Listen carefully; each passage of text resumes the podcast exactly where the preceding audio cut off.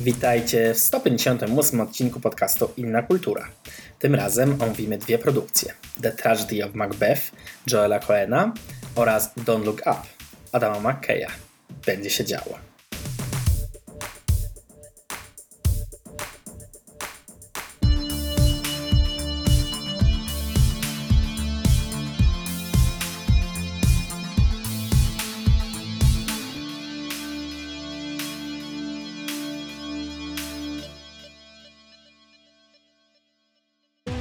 Serdecznie.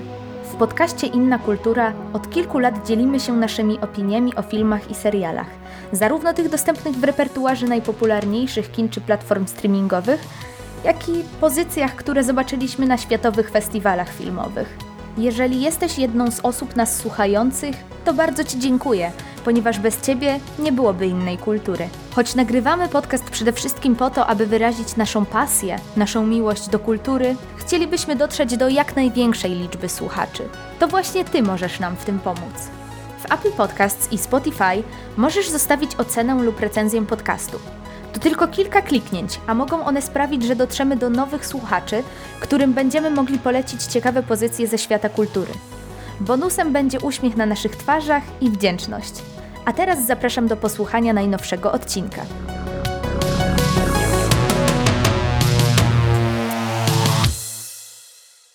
Dzień dobry, witamy serdecznie w 158 odcinku podcastu Inna Kultura.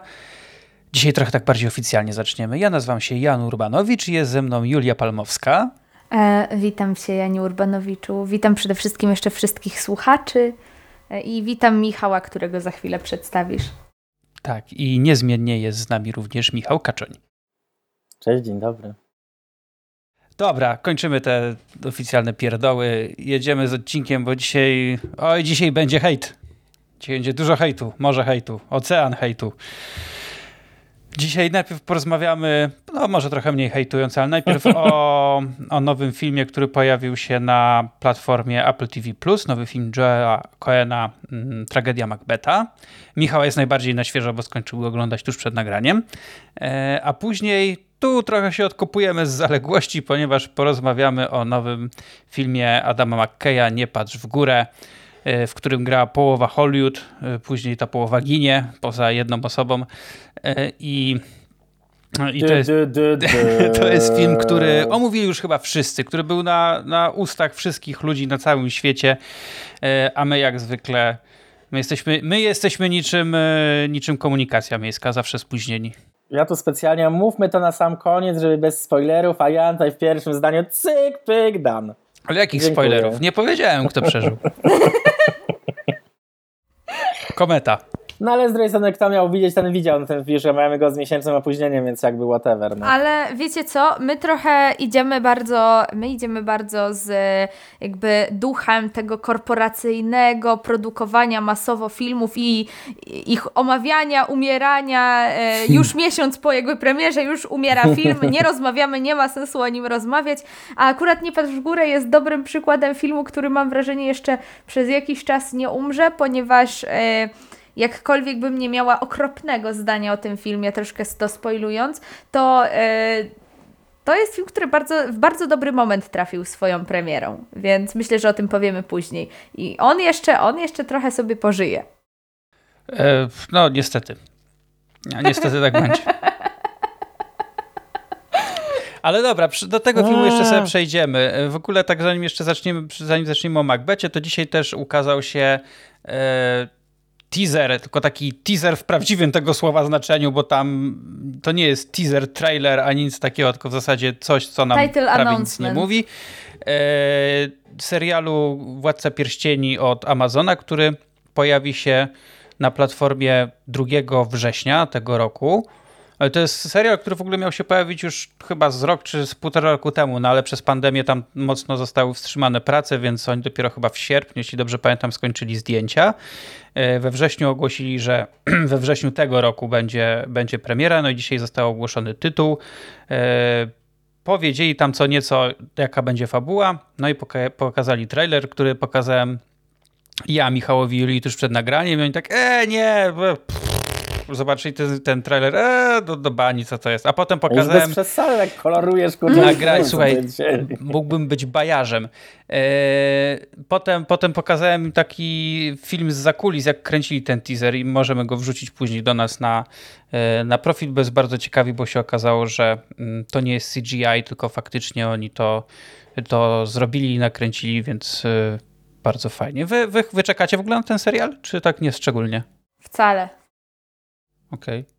Ja mam takie wzruszenie ramion. W sensie, nie wiem, no lubię Władcę Pierścieni, ale Hobbit nie na tyle jakoś tak e, utemperował to nastawienie do, do Śródziemia, że mam takie, no będzie to będzie, zobaczę, może się dam zaskoczyć, ale nie, wyczek, nie wyczekuję jakoś z wielkim e, takim napięciem, więc...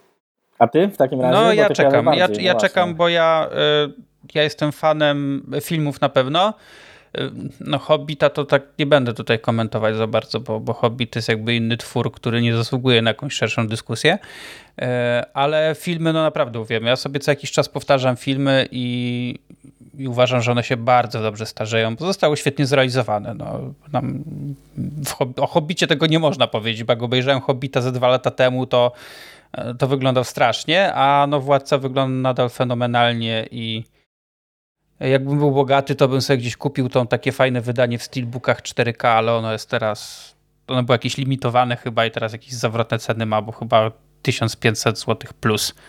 Myślałem, że jakbyś miał wiele pieniędzy, byś sobie Hobbiton zbudował, że chcesz powiedzieć tą stronę na przykład. No, no wiesz, to mieszkanie w dziurze w ziemi jakoś mnie nie jara, ale jakbym miał to na przykład udostępniać do zwiedzania i jeszcze więcej pieniędzy zgarniesz, to mogłoby tak być. No jest chyba gdzieś... E, no jest w Nowej Zelandii, no jest, właśnie, jest, no, jest no, ten, no. ten hobbiton faktyczny, który był wykorzystany do, do realizacji filmu, bo oni przecież zbudowali wszystko.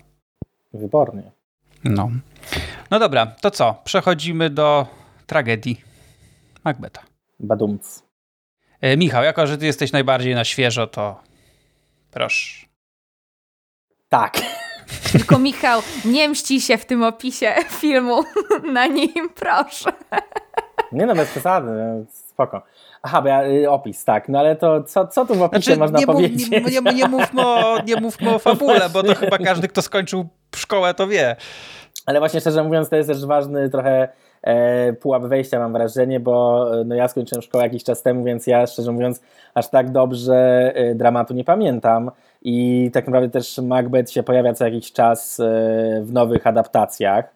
E, I, I mnie zaskakuje, jak się pojawia w tych nowych adaptacjach. No i na razie moje, moje, moje podejście do ostatnich dwóch adaptacji jest dość podobne. W sensie ja no, trochę się męczę oglądając te, te filmy, bo mnie przede wszystkim męczy e, ten staroangielski język i jakby to, że nie do końca rozumiem, co się dzieje. Pod tym względem, że za pierwszym razem właśnie tego Macbeta e, Kursela mm, oglądałem w, na festiwalu w Cannes. E, ostatniego dnia festiwalu o 8.30 i się okazało, że tam nie ma, nie ma napisów, więc ja po prostu nie rozumiem w ogóle zupełnie, co się dzieje, bo ani nie pamiętam tak dobrze dramatu, a przy okazji właśnie oni mówią tym staroangielskim i nie ma napisów. Ja po prostu totalnie odpłynąłem, bo też byłem zmęczony po całości, więc no się odbiłem zupełnie. E, natomiast tutaj też była śmieszna anegdotka, bo przez pierwsze pół godziny też oglądałem z angielskimi napisami, licząc, że, że przecież zrozumiem, no bo znam angielski. No i nie, nie, nie. To, to nadal nie jest ten angielski, który da się zrozumieć. I jak rozumiałem, e, no nie wszystko, tak mam wrażenie, że co, co piąte słowo jakby było mi zupełnie nieznane i widziałem je po raz pierwszy. Więc to też był taka trochę trudny pułap wejścia. E, także tak, no ja też e, dla mnie to jest jakby też za, za spokojne medium trochę, w sensie tego typu adaptacje, więc ja trochę odpłynąłem za, za oboma razami. Tam akurat mam wymówkę, no bo rzeczywiście zmęczenie po 10 dniach e, oglądania wielu, wielu innych filmów. No dzisiaj akurat taki zmęczony nie byłem, a też mi się zdąży, zdarzyło odpłynąć, więc e, no ja nie, chyba nie będę fanem po prostu akurat tej, tej sztuki, albo przynajmniej tych adaptacji. E, na pewno jednak się mogę odnieść do tego, co już też e, widziałem, e, padło w wielu, wielu miejscach. Rzeczywiście jest bardzo ciekawie zrealizowany pod względem formy i pod względem wizualiów. W sensie rzeczywiście jakby zdjęcia są no, bardzo klimatyczne, bardzo ciekawe, e, zupełnie inne niż, niż tej adaptacji Kursela. Natomiast e, jakby podobało mi się, że jest podobny element, który je łączy, czyli to, że wszystko spowija mgła w zasadzie, przynajmniej na, na początku bo tutaj mgła potem odchodzi w, u, u Coena, ale jakby początek jest taki bardzo mocno no, spowity tym, tym dymem i tą mgłą i taką, e, taką aurą tego, tej niewiadomej. E, to ja powiem, że nawet z polskimi napisami momentami to się ciężko ogląda. W sensie co innego, na przykład jak słuchasz tego e, w teatrze, tak? E, już nie mówię o czytaniu, tylko słuchasz tego, jak którzy to tak wypowiadają, to jest inaczej niż jak, no tak jak ty powiedziałeś, ten, ten stary angielski to nie jest takie proste do, do przyswojenia, no a jednak nawet w napisach te tłumaczone słowa no też są nieco, nieco inne, prawda? To nie jest taki zwykły, potoczny mówiony język, więc też musisz się trochę skupić nawet przy tym czytaniu. E, ja oglądałem w miniony weekend właśnie ten film, byłem sam w domu. Specjalnie tak wybrałem właśnie czas na seans, kiedy będę sam, bo wiedziałem, że mógł się trochę bardziej skupić. No i początek był ciężki. W sensie od razu mi się to podobało wizualnie, ale momentami tak zastanawiałem się, czy przypadkiem nie przełożyć tego seansu, ale, ale wytrwałem. Y, I muszę powiedzieć, że ja ogólnie nie jestem fanem Macbeta jako, jako utworu. Mm, jeżeli już, jeżeli już mam mówić o, Szekspirze, o to wolę jakieś inne jego, inne jego dzieła. Pamiętam, że, Fassbe że ten z Fassbenderem Macbeth, który był chyba 6 lat temu. Mhm. E, był, był dość ciekawy. Tam było takie trochę bardziej nastawienie, żeby to wszystko było takie realistyczne, prawda? E, e, to, to, to było bardzo ciekawe. I, bo tam i, i, krwawy on był i w ogóle i, i, i fajnie też zrealizowany wizualnie, ale to doświadczenie filmu Kena było dla mnie takie naprawdę bardzo ciekawe. Raz, że ten film bardzo momentami przypominał mi The Lighthouse, bo raz, że też jest czarno-biały, dwa, też ten format y, kwadratu, y, ale jest bardzo fajnie mi się w niego weszło, tak, że czułem, że wiedziałem, że to jest film, ale mimo tego miałem takie momentami nieco teatralne doświadczenie, że tak ta, ta, ta scenografia też była taka, y, taka teatralna. No i po prostu nie spodziewałem się, że to będzie, będzie coś takiego. Nie jestem jakiś, wiesz, turbo turbofanem całego filmu jako, jako całości, ale e, no, wykonanie tego to jest naprawdę rewelacyjne. To się oglądało bardzo, bardzo dobrze, bo i scenografia, i zdjęcia, e, aktorzy też odwali kawał świetnej roboty, więc, e, więc naprawdę pod tym kątem się ten film bardzo podobał, ale oddam teraz głos Julii, bo nie chcę się ze wszystkiego tak wyprzedzać świetnie się ustawiliśmy, bo bym powiedziała, że tak rosnąco w kwestii naszego nastawienia do tego filmu, ponieważ moim zdaniem to jest e, jedna z najlepszych adaptacji e, adaptacji Szekspira, jakie widziałam też w ostatnich latach. U, u, mnie akurat Macbeth zajmuje bardzo wyjątkowe miejsce, bo to jest moja ulubiona sztuka e, Szekspira. Ja też dlatego nie miałam problemu z obejrzeniem tego, te, tego filmu m, taki, takiego językowym, bo akurat Macbeth był dwa razy z rzędu gdzieś tam e, na olimpiadzie z angielskiego e, akurat kiedy byłam, więc e, bym powiedziała, że to, to, to gdzieś tam już tak zdążyłam, zdążyło mi się w mózgu tak bardzo mocno zakotwiczyć, że e, no, no, nie, no nie, był to, nie był to jakiś, jakiś, większy, jakiś większy problem, ale nie miałam, szczerze mówiąc, zbyt dużych oczekiwań też do tego filmu. E, jakoś tak e, wiązałam to z ogólnie tym, co się też działo w, w temacie adaptacji um, w ostatnich latach i na przykład z tą adaptacją z Fassbenderem, um, której nie jestem szczerze mówiąc fanką. E, a okazało się, że wow, to jest, y, to jest wybitny film. To jest, to jest wybitny film i to, co Cohen tam robi reżysersko, to jak on jest świadomy w tych wizualnych przede wszystkim inspiracjach, to jak ładnie tutaj e, sobie wiąże e, zarówno te adapt wszystkie adaptacje dotychczasowe Szekspira, jakie były czy Polańskiego, e, czy również czy tego Kurosawę, czy Wellsa. Do Wellsa to w ogóle, e, czy, do, do Wellsa nawiązuje wizualnie właściwie zarówno do tego e, Macbeta, jak i do, e, do, do, innych, e, do innych filmów. E, I właściwie, czy, czy przede wszystkim E, o czym sam Cohen e, czy ludzie współpracujący przy nim, e, z nim przy tym filmie mówią dość, dość jak to się mówi po polsku? Wprost. tak wprost, tak? Czyli o, do niemieckiego ekspresjonizmu, do Dreyera, do Langa.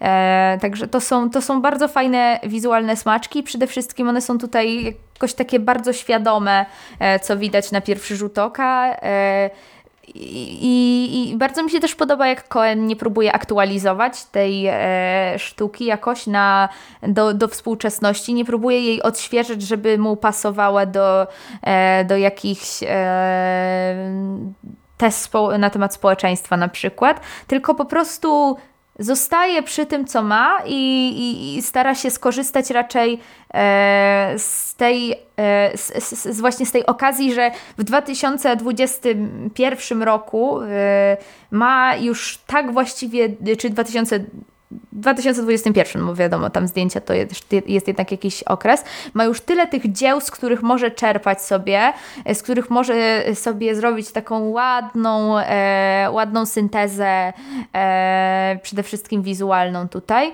e, że nie będzie tutaj ulepszał treści, która już jest uniwersalna i już jest, już jest y, wybitna, tylko pójdzie, pójdzie w innym kierunku, a do tego ma znakomitych aktorów, e, którzy mu tutaj e, jeszcze to wszystko tak, no, że, że tak powiem, swoim talentem e, upiększają, bo tu zarówno Denzel Washington w roli Macbetha jest wybitny, Frances McDormand w roli Lady Macbeth jest e, świetna, czy, że tak powiem, bohaterka e, Catherine Hunter, e, mhm. która w, w, w ostatnich e, dniach dużo się o jej, o jej roli też mam wrażenie słyszało i faktycznie jest po prostu hipnotyzująca. Nawet e, rolach. Rolach, tak, tak, tak. tak, tak. zarówno wiedźmy, jak i jeszcze tak, tego... starca starca.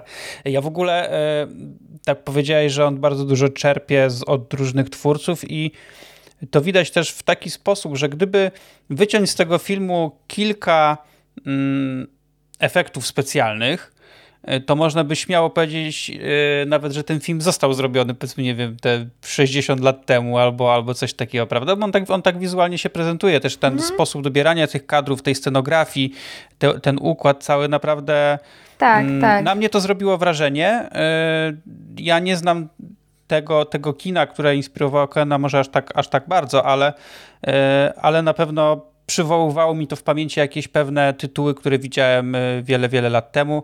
E, najbardziej chyba mi momentami przypominało siódmą pieczęć Bergmana, bo tam też parę, e, parę rzeczy mi, mi to przywracało w pamięci. Ta czarownica tutaj ma bardzo podobny strój jak śmierć u, u, u mhm. Bergmana, Dokładnie. więc to jest w sumie bardzo takie, bardzo, no właśnie takie bardzo, bardzo ciekawe nawiązanie. Ten film bardzo mnie zachwyca tą swoją intertekstualnością.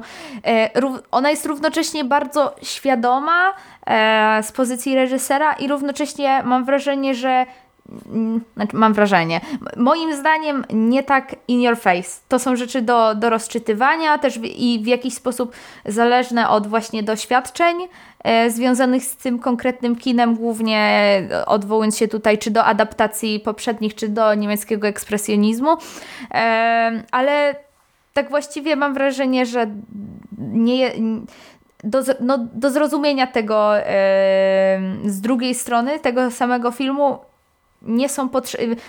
Może nie, nie, nie do końca o to mi chodziło. Że jakby u samego Coena nie ma takiego mm, takiej dumy z użycia tych, tych, tych rzeczy, którą czasem widać u współczesnych twórców. Patrzcie, co ja znam, wołam do ciebie, Samie Levinsonie.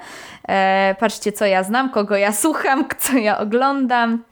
E, czy do Edgara Wrighta, bo to, to też tutaj do, do tych dwóch panów i o, ich ostatnich dokonań e, się, się, gdzieś tam je mam na myśli. No tak, a tutaj jest tak, że można się po prostu zanurzyć w, w tej warstwie wizualnej tak. i jakby nie jakby nie zwracać uwagi na to, że to jest nawiązanie jakby do konkretnych innych dzieł, do konkretnych nurtów, tylko jak, jak ktoś wie, to wie, jak nie to się może po prostu pozachwycać tą, tą grą światła i cienia, która jest rzeczywiście tutaj świetna.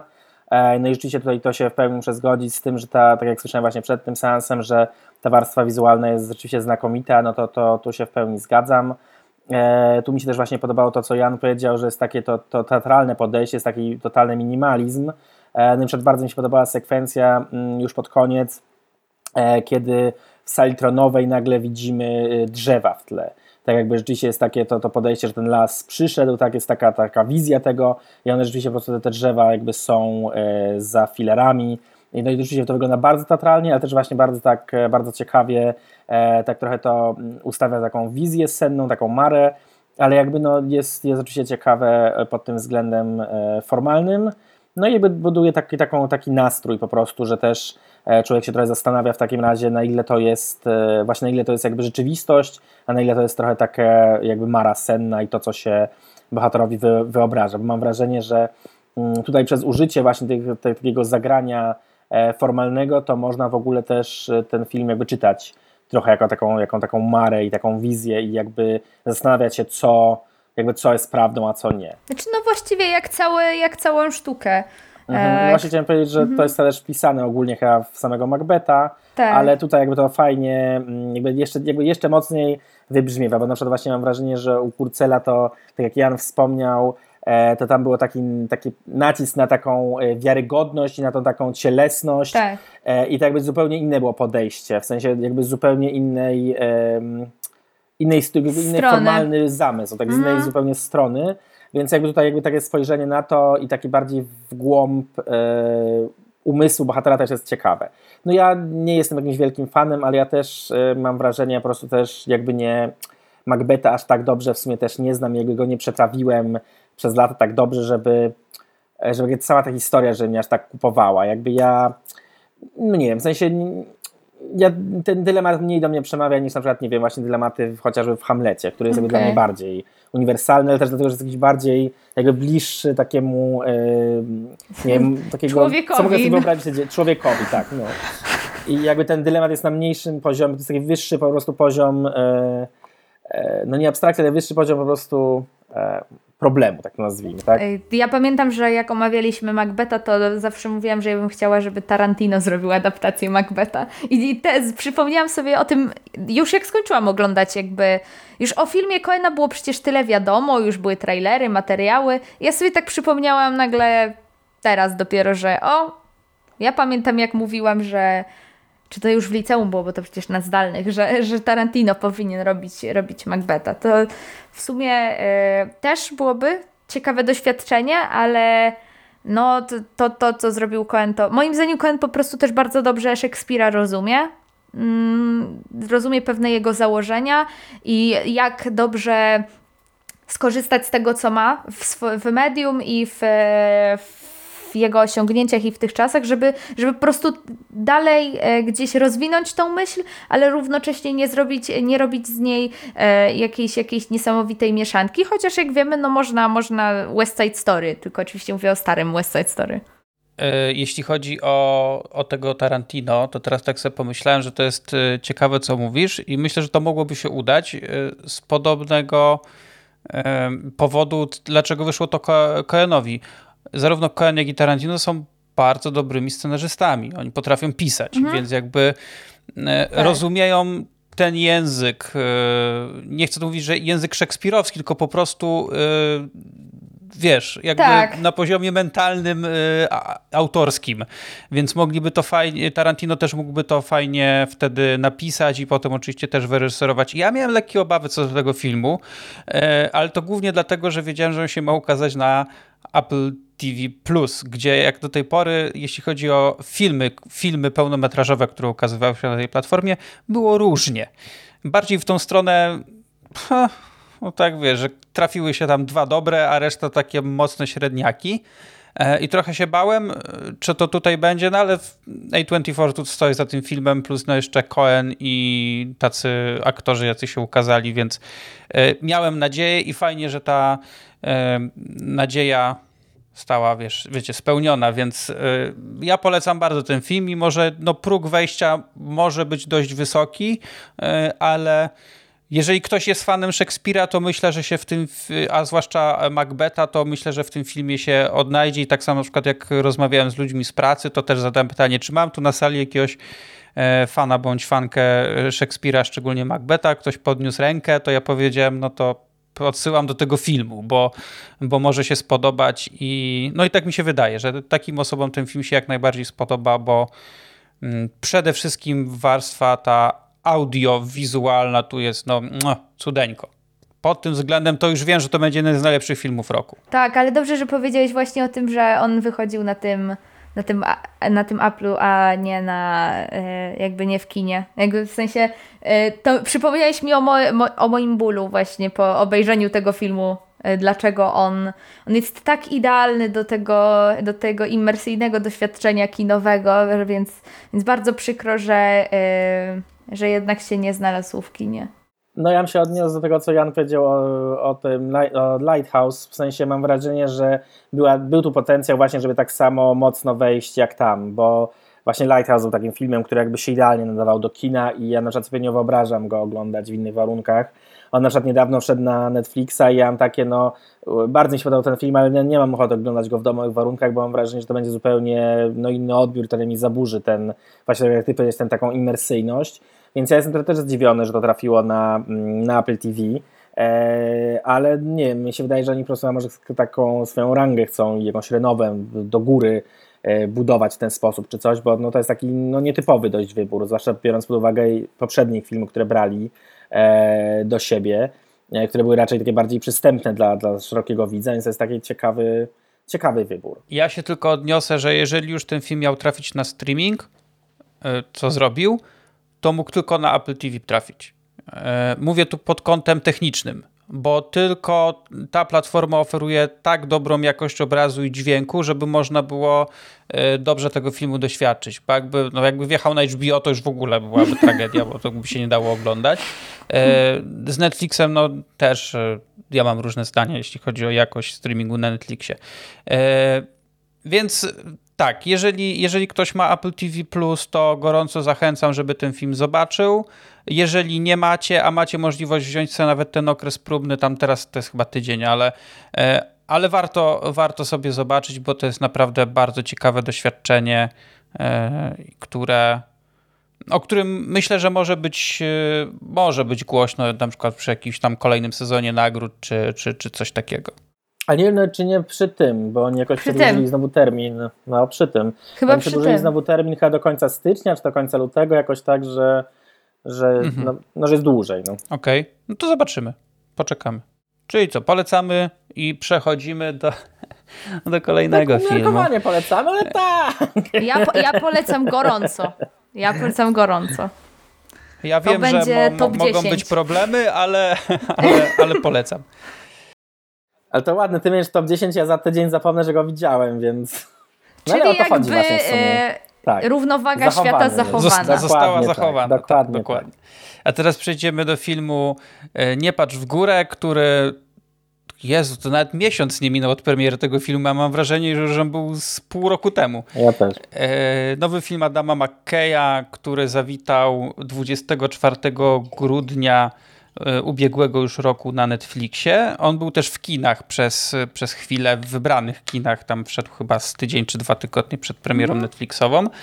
E, nowy film, tak jak wspomniałem, Adama McKeya, twórcy takich pozycji jak Big Short czy Vice. E, no i po raz kolejny oczywiście e, największe gwiazdy pół, pół Hollywoodu się zjechało, między innymi Leonardo DiCaprio, Jennifer Lawrence, Meryl Streep, Kate Blanchett, Jonah Hill, Mike Rylance i Tyler Perry i jeszcze wiele, Timothy Chalamet, Ariana Grande nawet się tutaj znalazła, po prostu masa ludzi.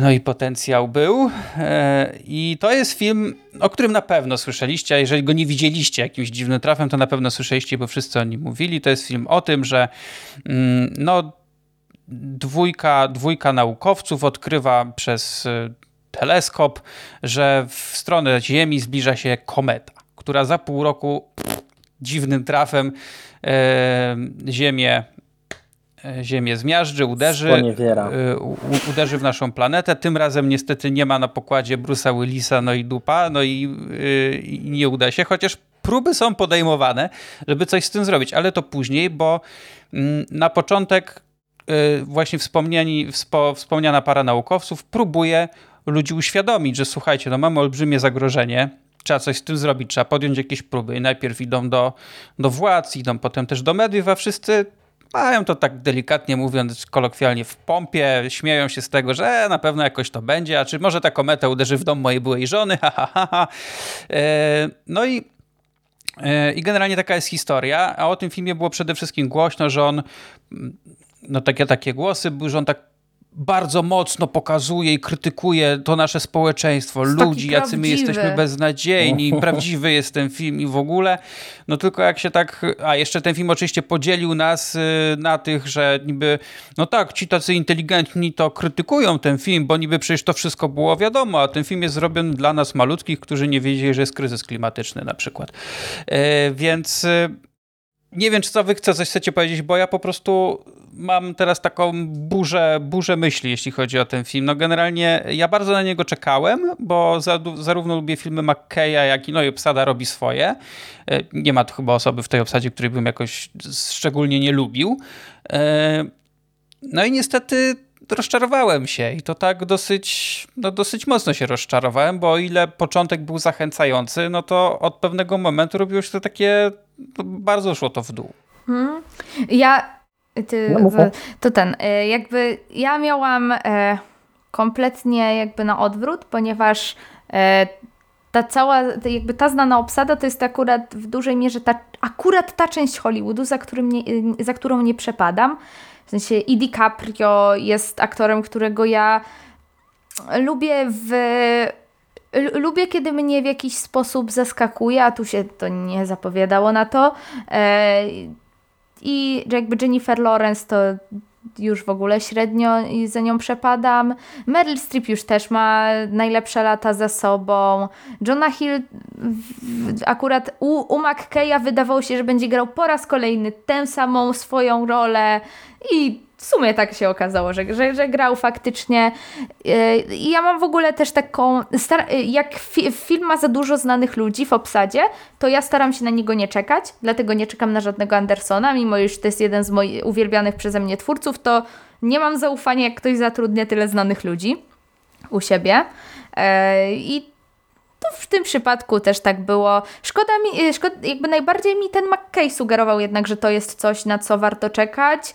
Eee, I przede wszystkim tutaj swoim e, Big Shortem, który jest e, moim zdaniem no, filmem znakomitym i faktycznie znakomitym pokazem takiego e, scenariopisarstwa, które tłumaczy rzeczywistość, tłumaczy jakiś ważny fragment rzeczywistości, niekoniecznie zrozumiały nam, maluczkim, w taki sposób, że e, może nie tyle rozumiesz wszystko, ale uderzasz się w głowę i mówisz, Jezu, jaki burdel.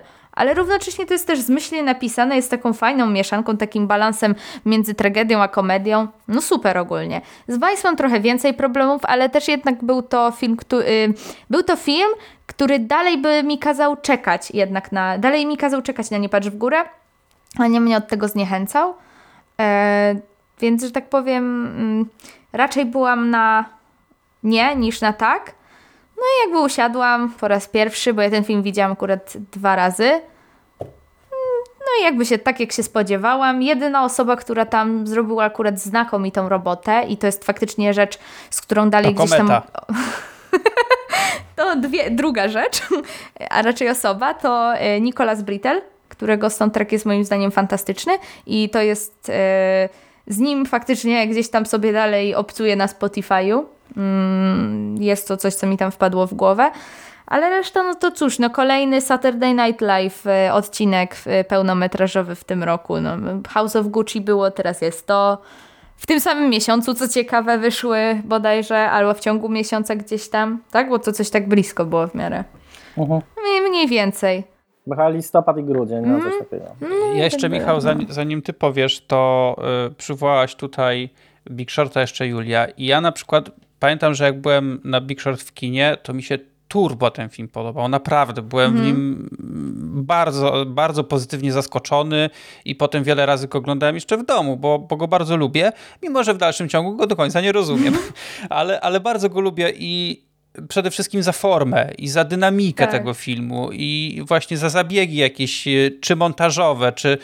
I tego, się spodzie... I tego bym chciał w Nie patrz w górę, a tego tutaj totalnie nie ma. I, i strasznie, mnie to, strasznie mnie to rozczarowało, że formalnie ten film jest po prostu dość nudny. Tutaj Tak. się nie za wiele dzieje. No jest jakby PowerPoint. Jeszcze drugi jest problem z tym filmem tak naprawdę, który już tutaj troszkę padł w tym, co wy powiedzieliście.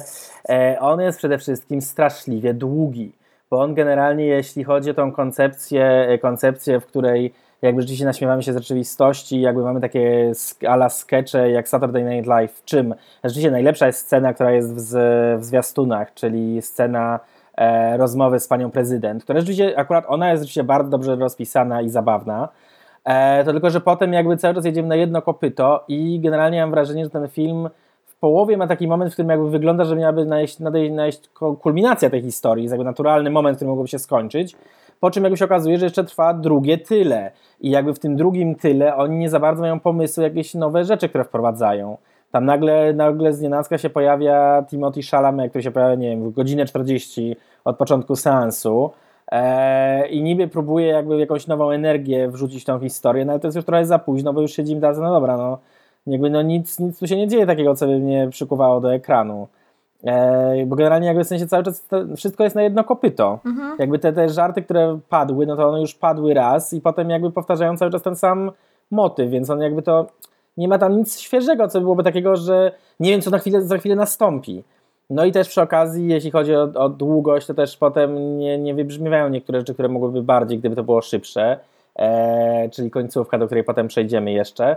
Ale no, no nie wiem, w sensie ja miałem, byłem chyba dość pozytywnie nastawiony, ale też jakiś bez jakichś wielkich, e, bez wielkich oczekiwań, e, ale no w pewnym momencie jakby dobrze mi się oglądało początek, ale im dalej w las, no to po prostu tym, tym gorzej, jakby w sensie tym mniej to było, mniej, mniej było zaskakujące, właśnie formalnie nie było ani specjalnie ciekawe, miałem też wrażenie, na przykład akurat lubię Jennifer Lawrence, jakby lubię jej rolę, to miałem wrażenie, że nawet nie miała tu grać za bardzo, w sensie jej rola jakby no jakby no niczym, ani jakby, jakby w sensie ta postać nie ma nic do zaoferowania takiego, co byłoby zaskakującego, ciekawego albo innego.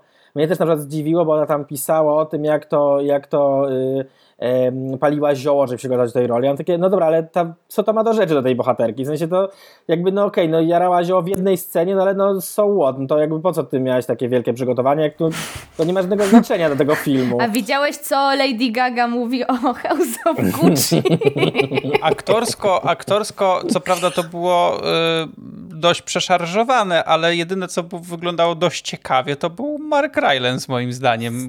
Ja się totalnie odbiłem od niego, w sensie on on, znaczy ja by, ta rola by mi się podobała, gdyby było mało, ale on w pewnym momencie jest go tak duży, że ja takie, dobra, już, już typie, już po prostu enough, jakby to jest jakby, bo on ma taką tyradę jedną, która jest po prostu strasznie długa, taki monolog, jest takie, dobra, to byłoby zabawne, jakby trwało tak trzy razy krócej. O, o, ale oni, oni, oni na niego, z niego zrobili taką, wiesz, taką krzyżówkę tych wszy tam Jobsa, no Bezosa tak, i no. jeszcze tak, innych w tak. ogóle i to Ale w ogóle, wiesz... jeśli chodzi o aktorstwo, to powiem, najbardziej mi ubawiło w sumie i to było takie, to też, jak mam wrażenie, jest jakoś tak symptomatyczne w jakiś sposób. Akurat to wynika z tego, że miała dobrą scenę, która jest zabawna, ale miałem wrażenie, że kurde, Ariana Grande, która nie jest aktorką, ma najśmieszniejszą, jakoś taką najbardziej dynamiczną scenę w całym tym filmie. Masz super aktorów, po czym oni w zasadzie nie grają nic. No, ona ma tą scenę, że ma kometę na plecach, no. Oczywiście to mógłby zagrać każdy w zasadzie, no ale jakoś mam wrażenie, że to jakoś tak dużo bardziej wylądowało niż wszystkie inne rzeczy, które oni tam to, robili, Bo ja w no. ogóle tej sceny jakoś tak e, nie, nie, wzię, nie wziąłem jako najśmieszniejsza, wręcz tak przeciwnie. Dla mnie najlepszy jest, dla mnie naj, jedyny moment w tym filmie, jak taki wątek, który się przewija przez cały czas, który bardzo mnie rozśmieszył, to był ten generał, co wziął za chrupki tak. hajs, to to był mój jednak chyba ulubiony moment. Kate Blanchett ma tak żenujący wątek w tym filmie. Boże, przecież w sumie myślałam, że umrę z, z, na chorobę pod tytułem Ciarki Żenady. Jak ją oglądam i ten dialog o tym, jak to mówi w kilku językach i ma dwa monety po prostu w domu. Ale z drugiej strony powiem Ci, że o. mi się podobał jakby jej duet z Tylerem Perrym E, jakby to właśnie takie przerysowanie tych telewizyjnych e, osobistości mi się A, oni, podobało. oni razem? Oni razem I byli oni ok. razem tak. Ale z DiCaprio. Oni razem byli bardzo fajni. Boże. Tak, i ta scena z DiCaprio, akurat jeśli tam narzekałem, że tam ten monolog jeden Rylensa jest bez sensu, ten monolog DiCaprio jest super i jeżeli się on jakby ląduje, jest dobrze rozegrany, fajnie się, się, się pojawia, dobrze, dobrze się go słucha, ale no no generalnie mam wrażenie, że ten film jakby działałby dużo lepiej, gdyby był krótszy, bo wtedy jakby te pozytywne momenty by przeważyły, a tak mam wrażenie, że są dobre momenty w morzu po prostu takiej trochę niejakości, takiego powtarzania rzeczy, które jakby padły z ekranu trzy razy wcześniej. O, ja mam jeszcze drugi śmieszny moment ale nie mogę go powiedzieć, bo to jest ze spoilerem. I próbowałam sobie, jak teraz mówiłeś o tym wszystkim, próbowałam sobie przypomnieć jakieś inne, żeby nie było, że ja tak pamiętam dużo tych wątków. Nie, nie. Pamiętam dwa jednak. Nic. Ja, my, ja myślę, że możesz Więcej. spokojnie ze spoilerem tutaj powiedzieć, bo mówię, ten film już wszyscy widzieli chyba, więc... E, To chodzi o ten. e, O to, o to, jak e, Meryl Streep się pyta Rylansa, jak umrze. Skoro on wie, jak umrze, on tam wymienia nazwę tego, tego czegoś. Pora. Tak, i ona co to jest, to on nie wiadomo i Jeszcze nie na wiemy. koniec się dowiadują. To było takie, się tam są fajne takie, mówię, smaczki w morzu, w morzu, yy, wyrażając się już tak kolokwialnie, no to gówna po prostu, no, no co tu więcej mówić. Ojej. Dwa brylanciki w morzu, ten. Znaczy, y, a teraz tak odchodząc już do, od, y, od tego, jakie były role i tak dalej, to ja się cały czas zastanawiam, mm, bo ten film bardzo ludzi podzielił, tylko w taki dziwny strasznie sposób, bo w ogóle zaczęły się jakieś wojny w sieci po tym filmie, że ci jedni mówili, że ten film, no niestety to nie należy do najlepszych, to tam ci, jak to nie, przecież to jest wybitny film, on świetnie punktuje nasze społeczeństwo, on jest cudowny, wspaniały, a ja tak, ej, no dobra, może ja żyję w bańce, no ale no serio, naprawdę Ale było coś takiego. nie trzeba, nie trzeba być nie wiadomo kim, żeby Czy jest o co się kłócić? Tutaj ja mam to jest takie, mam, to, to nie jest warte zachodu przy takim filmie akurat. Nie, tak ale kłócić, ten film, mówię, przez no. to, że on jest, e, ma tą, jakby, ja to nazywam kinem pożytku publicznego, w sensie, to nie, te, te filmy mogą być dobre albo złe, różnie, ale one mają jedną cechę, że jakby są ważne, są potrzebne. No w tym roku mieliśmy na przykład obiecującą młodą kobietę, mieliśmy na przykład Nie patrz w górę, mieliśmy jeszcze pewnie wiele innych filmów, o których w tym momencie nie pamiętam. Jakby to są filmy ważne, raz wychodzą lepiej, raz wychodzą gorzej, ale ludzie bardzo często e, mają z nimi taki jakiś osobisty związek, że na przykład, o widzicie, zrobią z tych, e, śmieją się z tych, którzy zrozumieli, a my zrozumieliśmy wcześniej, albo na odwrót. I jedni piszą o tym, że ten film otwiera oczy, a drudzy, że nie jest odkrywczy. I to są słowa, które w pewnym momencie e, wartościują też widza. W gruncie rzeczy. W momencie, w którym e, się pojawia to, że otwiera oczy albo jest otwierający, no to co? Re, reszta miała e, nieotwor- nie, nieotwarte te oczy, to, to jak już ktoś słyszy, że to jest film, który powtarza komentarz, który słyszeliśmy 100 razy, no to taka osoba, która ten film lubi, wtedy so- sobie tak myśli, że o, to znaczy, że ja jestem głupi, bo ja o tym nie wiedziałem. Nie wiedziałem. No nie, to ogólnie znaczy prawdopodobnie, że ten smak satyry jest troszkę, troszkę inny. O, to jest dobre ten. słowo, bo też było bardzo dużo takich, e, takich zdań czytałem po premierze, że Mhm. jest, to jest wspaniała satyra. Ten film jest cudowną satyrą e, naszego, naszego społeczeństwa i tego, co się dzieje na świecie. Ja, ja No- mam jeszcze no- jedną dobrą rzecz. Jaki I, jeszcze, tylko, jeszcze, dobra, tylko się, dobra, jeszcze dobra. tylko się odniosę do jednej rzeczy, którą powiedziałeś, że, że, że nie, chcę, nie chcę, żeby ktoś odczytał, że ja się śmieję z ludzi, którym się ten film podobał, bo, bo, bo nie mam tego na celu. Jeżeli się wam podobał, to okej, chociaż jestem bardzo daleki od mówienia, że to jest świetny i wybitny film. No. Ja mam taki problem z tymi dwoma filmami i w sumie się podpi- jeszcze zanim to, to się podpiszę pod tym, co powiedziałeś, że jakby możemy mieć różne zdania i możemy się lubić. Popatrzcie na nasz podcast.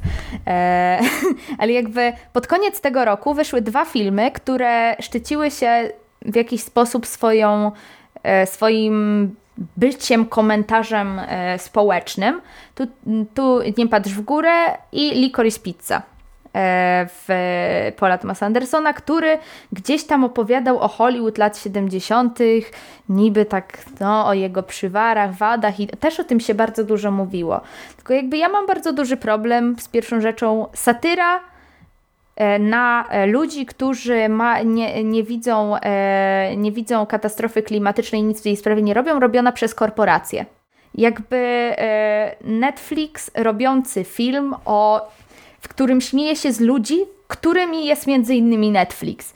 E, To jest świadomość, która jest moim zdaniem jakby etycznie wątpliwa, jeśli już wchodzimy. e, Jakby oznaczanie tej samoświadomości jest moim zdaniem etycznie wątpliwe, kiedy mówimy o tym jakby już ze strony też tej, tej korporacji, którą jest w tym przypadku Netflix. I w jaki sposób ta satyra jest niby szczera, skoro stoi za nią wciąż, jakby również marku, markuje ją swoim Właśnie nie, nie wiem, e, czy, czy Netflix stał tylko za dystrybucją, czy również za produkcją tego filmu. Szczerze mówiąc, to też jakby takie. E, nie zmienia to jakby tego mojego podejścia, powiem szczerze. A jeśli chodzi o Licorice Pizza, dlaczego tu porównałam? Bo tutaj akurat nie mówiliśmy o tym filmie, ja tego filmu też bardzo nie lubię, ale e, w Licorice Pizza e, jest e, wa ważnym tematem są pewne przywary Hollywood lat 70. i w ogóle społeczeństwa, ówczesnego społeczeństwa amerykańskiego. I równocześnie jedną z największych przywar Hollywood nadal utrzymujących się jest nepotyzm. A kto gra w filmie Licorice Pizza? Gra tak, proszę proszę, stary DiCaprio, e, gra córka Spielberga, grają cała rodzina e, Hej, sióstr Heim, e, gra Alana Heim, która jakby no dostała rolę przez to, że współpracowała z Andersonem, gra syn Philipa Seymoura Hoffmana, jakby mm, bardzo mam duży problem z e, wiarą w jakiekolwiek pobudki e, po, po, pobudki kina, jeśli chodzi o, o, o, takie sprawy. E, czy to w przypadku Nie patrz w górę, kiedy Netflix markuje e, taki film, czy to w przypadku Licorice Pizza, w którym oś, m, krytykujemy, tak patrzcie jak tam w Hollywood kiedyś było, jakie rzeczy się działy, a tymczasem zatrudniamy po prostu w, challenge znajdź w obsadzie Licorice Pizza kogoś, kto nie jest powiązany z żadną znaną osobą.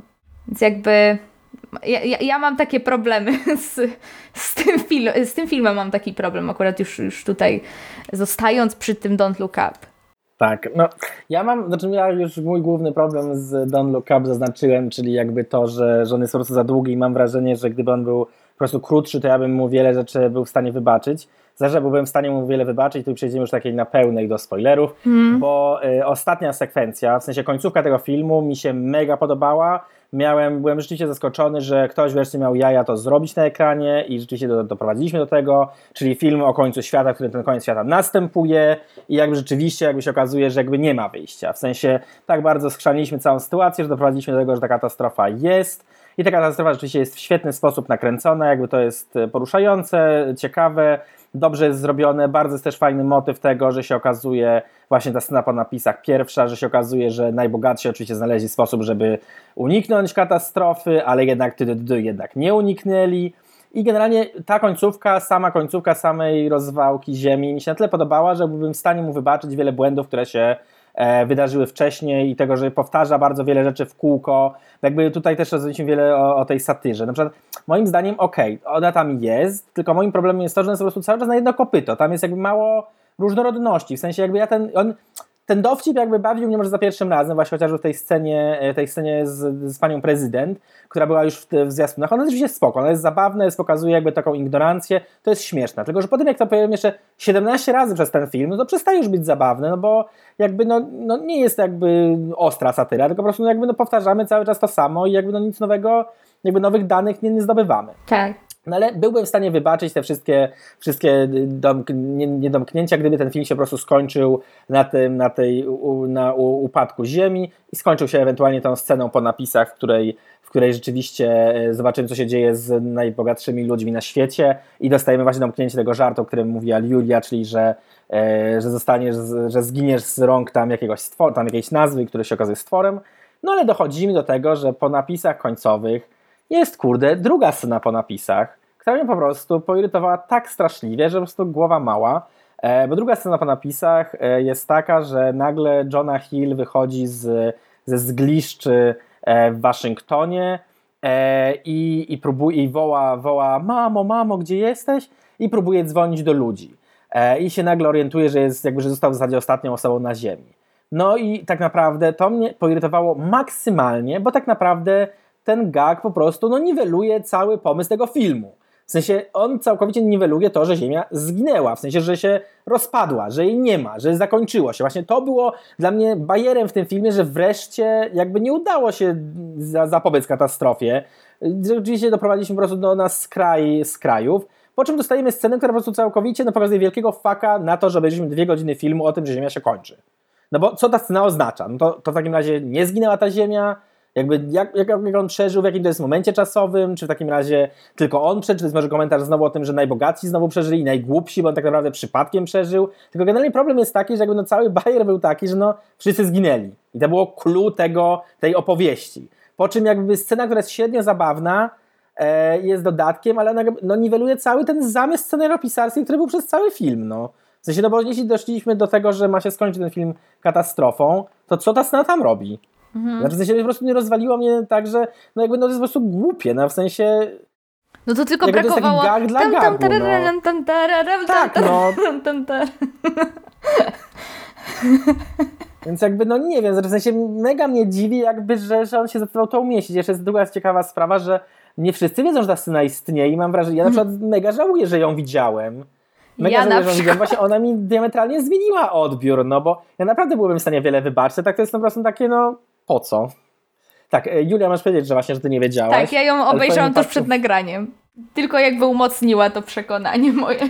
Tak, no, no w moim właśnie zmieniła, bo w sensie ja byłem serio bliski jakby wybaczenia wielu błędów, po czym miałem takie, no panie McKay, no co pan robisz? W sensie jednym sketchem, który był jest, nawet nie jest zabawny, jakby no rujnuje cały jakby zamysł scenariopisarski, więc takie, więc jakby o ile właśnie padło parę razy to i w tym odcinku i w paru ostatnich odcinkach o tym, że ten sketch SNL i jakby ja nie zawsze z tym zgadzałem, że w tym wypadku po tej scenie, bo to jakby to jest takie no, bo to ta scena jest taka, no ta scena jest taka stricte SNL-owa i jakby no jest żart dla żartu, ale jakby no w stałej strukturze tego filmu no się nie ma nijak, tylko jakby rozsierdza od środka całą historię, więc no po prostu ach, smutek i żal. Żal, gorycz, rozpacz. No niestety. Ja nie mam chyba nic do dodania. No, generalnie uważam, że potencjał ten film miał, a pff, na pewno zgodzę się z tym, co ty Michał mówisz, że ten film jest za długi. I jak przywoływałeś pewne rzeczy, to jakoś tak bardziej mi się to w głowie układało i myślę, że gdyby wywalić powtórzenia, dużo Aha. Mhm. powtórzeń, których w, mhm. w, w, filmie jest i go zmieścić w metrażu półtora godzinnym, Aha. Mhm. to by było wiele lepsze. Aha. Oczywiście, że tak. Naprawdę byłby spoko. I wcześniej jakoś zapomniałem o tym, ale przypomniałeś mi, że Meryl Streep, czyli Donald Trump w spódnicy razy 8, e, to jest po prostu non-stop jakby ta sama scena, tylko w innej tak. scenerii, tak? Bo raz jest w gabinecie owalnym, raz jest na jakimś tam statku, za trzecim razem jeszcze jest gdzieś i to jest non-stop to samo. Tylko delikatnie innymi słowami, ale cały czas ten sam sketch. Podobnie jest z Ray Lansem, tak? Który e, w pierwszej chwili wchodzi z tymi swoimi idealnie prostymi, białymi zębami i wygląda jak robot trochę no i okej. Okay. E, za drugim razem też, no a potem kolejny raz, kolejny raz, kolejny raz mhm. i jeszcze jakiś wali ten właśnie długi monolog. E, Johna Hill, tak jak, e, tak jak Julia wcześniej wspomniała, no kolejny raz gra to samo. Ja go lubię jako aktora i ja uważam, że on, on ma duży potencjał na różne fajne role, ale tutaj zagrał kolejny raz to samo, co nie należy do najlepszych też. W sensie tą, taką, zagrał tą rolę, która nie jest jakaś, jakaś wybitna i kolejny raz ją zagrał, więc E, no tutaj nazwiska są ciekawe. Można je lubić, można je nie lubić, ale myślę, że wielu z tych aktorów miało dobre role i mogli zagrać coś naprawdę ciekawego w tym, w tym filmie, a poleciało to w takiej, wiecie, no najmniejszej linii oporu. To ja bym się czegoś, to ja z czego się Julia śmiejesz, tak? To ja bym się tylko chciał odwołać do tego, co powiedziałeś o tym, y, o tym fakcie, że właśnie powtarzanie tych scen nie ma sensu, bo właśnie gdyby, to właśnie gdyby te sceny były pojedyncze, i one były takie przerysowane, jakie są, ale były raz. W sensie Meryl Streep, gabinet owalny raz, Mark Rylance raz. To to byłoby zabawne. Ale potem jak to powtarzają tyle razy, że po prostu zauważamy, jakie to jest po prostu no, wtórne i po prostu no, przeciętne. Bo gdyby naprawdę jakby właśnie wyciąć te, te sceny i nie powtarzać tego, to wtedy miałoby, rzeczywiście mogła być ta satira ostra, a tak to oni sami sobie ją tępią. Tak, już możesz powiedzieć nam wszystko. Nie, nie, to wam powiem po nagraniu. Okej, okay, dobrze. E, czyli co, kończymy? tak. Nie, ale y, no pewnie się powtórzę, ale y, kurczę, naprawdę ja chciałem, tak. żeby ten film, chciałem, żeby ten film był fajny. Y, okazał się bardzo mocno przeciętny. No miał momenty, ale, ale nie. Ja się tylko teraz śmieję, bo właśnie może się powtórzę. Narzekamy, że film był powtarzający się cały czas to samo, więc my robimy dokładnie to samo w tym podcaście. Ale my nie bierzemy za to tyle hajsu, co Adam McKay. my mamy prawo. Tak, nie, no, ja, ja, no ja też jestem zawiedziony. W sensie no, liczyłem na dużo, dużo więcej. Potencjał był, no a tu wyszło jak wyszło. Selawi. E, Miejmy nadzieję, że kolejny film McKeya będzie, e, będzie ciekawszy. Jeżeli ktoś chce sięgnąć po dobrą produkcję McKeya, to polecamy sukcesję, e, ponieważ on tam, on tam trochę palców maczał. E, I tak jak mówiliśmy w jednym z ostatnich odcinków z Julią, trzeci sezon jest mua, wybitny, więc, e, więc warto, warto zajrzeć. Polecamy. To chyba, chyba Sukcesję, tyle. żeby nie było, Tak, tak, tutaj... tak, tak, Żeby tak, nie tak, niedomówień, Jak, jak niedomówień. najbardziej, jak najbardziej. I widzimy, słyszymy się w następnym odcinku. Tak będzie. Tak, dziękujemy za słuchanie. 158 odcinka. Do usłyszenia. Do usłyszenia. I do usłyszenia.